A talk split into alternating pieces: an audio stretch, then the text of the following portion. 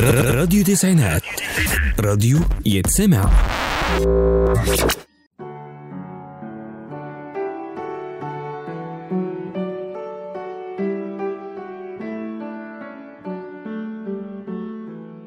ازيكم عاملين إيه؟ وحشتوني. ورجعنا لكم تاني وبرنامج مفاتيح الحياة. معاكم أماني فتحي على راديو تسعينات. تعالوا كده نتخيل الحياة من غير مفاتيح طب إزاي؟ ينفع؟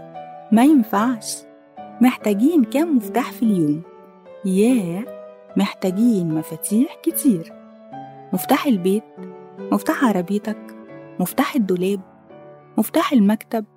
ياه! ومفتاح علبة الذكريات.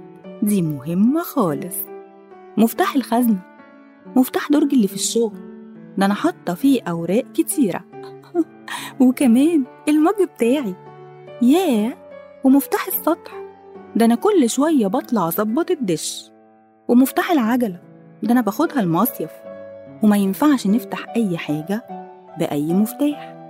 كل مفتاح بيفتح لينا حاجة. زي الحياة ومفاتيحها الكتيرة. جايبالكوا النهاردة مفتاح الإصرار. الإصرار؟ أيوة الإصرار. الإصرار أول خطوة للنجاح.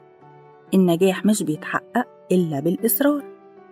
طيب يعني إيه إصرار؟ الإصرار عدم التوقف عن محاولة التقدم والتطور وعدم الاستسلام للفشل أو اليأس. وقال الحكماء ليس عيبا أن تسقط ولكن العيب أن تركن للسقوط. وعن الإصرار أكلمكم. يمكن تلخيص الإصرار في مواصلة الجهد والعمل الدائم لتحقيق هدف دون الاستسلام حتى يتحقق. والإنسان الناجح بيتمتع بالقدرة على الإصرار. فكل ما عليك فعله أن تستمر. وفي كلام عن الإصرار قيل عن الإصرار أن لا شيء في العالم يمكن أن يحل محل الإصرار. فالموهبة مثلا لا يمكن أن تكون بديل عن الإصرار. فهناك في الواقع أشخاص موهوبين وغير ناجحين. والعبقرية ليست بديل عن الإصرار. والتعليم ليس بديل عن الإصرار. العالم مليء بالمتعلمين المهملين. والإصرار لازم يكون بالنفع والخير مش في الضرر والمعصية. يعني بنشوف شخص نوع التوبة والتوبة وحدها مش كفاية لازم الإصرار عليها وعدم الرجوع للذنب. لأن في والعياذ بالله ناس بلا ضمير عندها إصرار على المعاصي وفي غفلة.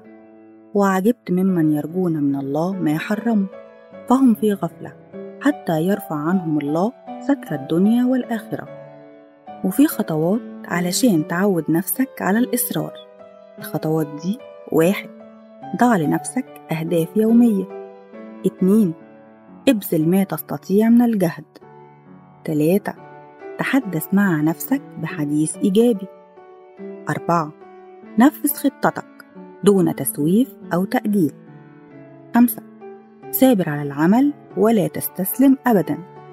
ستة تعلم من فشلك واعتبره دافع للنجاح. سبعة ازرع في أعماق نفسك الثقة بالنفس. تمانية يكن لديك الدافعية والحماس والرغبة. تسعة يكن شعارك في الحياة النجاح هو هدفي. وفي نهاية الحلقة وقبل ما أسيبكم قد إيه كان عندي إصرار إني أبقى معاكم وأسجل الحلقة؟